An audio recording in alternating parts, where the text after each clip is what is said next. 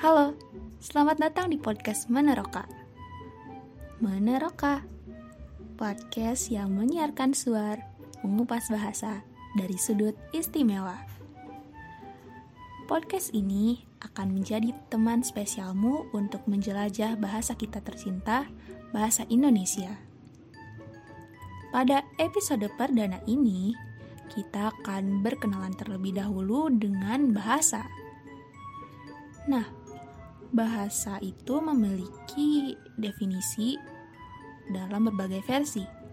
Salah satunya menurut Richards tahun 1985 yang sudah diterjemahkan ke dalam bahasa Indonesia.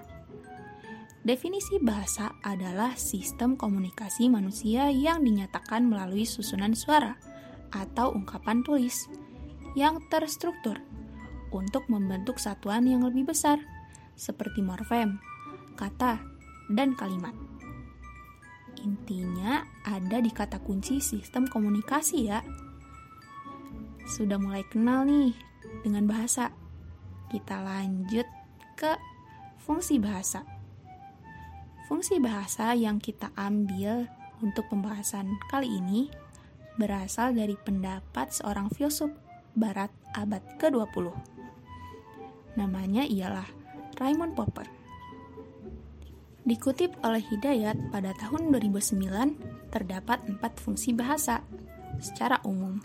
Yang pertama, fungsi ekspresif. Yang kedua, ada fungsi sinyal.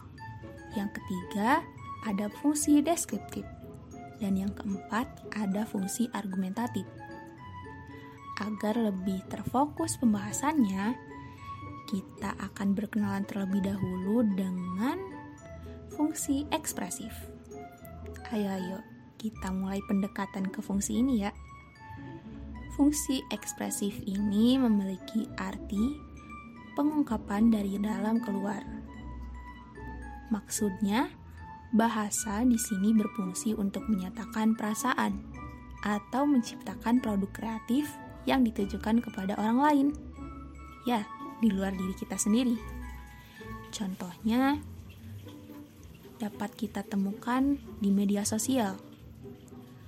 Semisal untuk menyatakan perasaan, kita pasti memiliki salah satu di antara media sosial Instagram, Twitter, atau WhatsApp, bukan? Di sana ada fitur membuat status.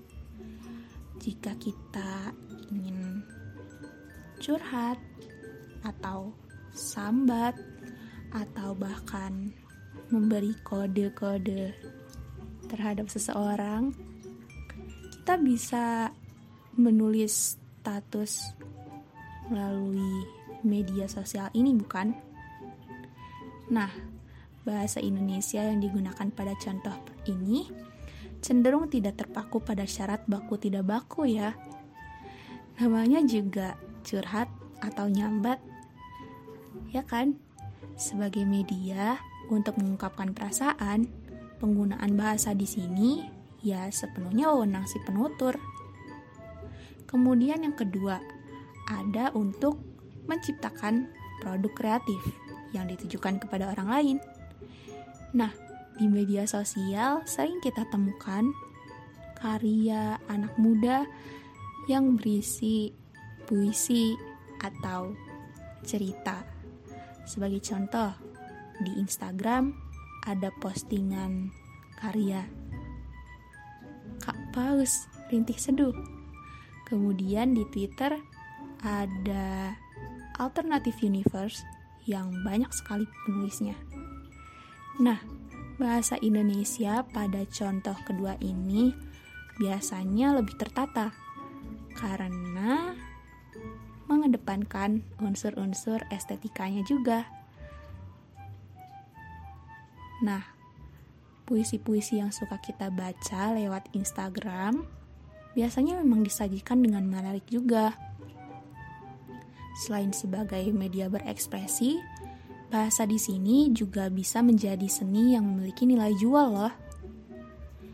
Oh iya, tadi cerita alternatif di Twitter. Ini merupakan bagian dari contoh bahasa yang berfungsi sebagai media berekspresi juga. Di karangan ini, bahasanya juga memang tidak selalu baku, karena dialog di dalamnya juga ya berisi percakapan anak muda yang jika dilisankan memang bahasa tidak sebaku itu. Targetnya pun untuk anak muda dan dibaca ketika waktu luang sebagai hiburan. Nah, dari pembahasan salah satu fungsi saja tadi, kita dapat menyimpulkan bahwa bahasa Indonesia memiliki makna yang sangat luas. Saking luasnya, belajar bahasa Indonesia berarti belajar memperhatikan hal-hal kecil di sekitar kita yang sebenarnya memiliki makna yang sangat besar jika ditelaah lebih lanjut. Oh iya, berbicara mengenai ragam bahasa media sosial, kamu harus coba cek glosarium kosakata bahasa Indonesia dalam ragam media sosial dari Kemdikbud. Aku lampirkan linknya di deskripsi ya. Nah, variasi bahasa ini lahir dari kreativitas masyarakat sebagai penuturnya, sebagai bentuk penyesuaian kebutuhan mereka seiring berkembangnya zaman. Oke, cukup sekian dulu deh episode perdananya. Nanti kita akan bahas lebih lanjut mengenai fungsi-fungsi berikutnya. Sampai jumpa lagi di kupasan bahasa berikutnya, para peneroka. Salam hangat untuk bahasaku dan bahasamu yang berpaut kasih. Cia. Sampai jumpa lagi. Terima kasih.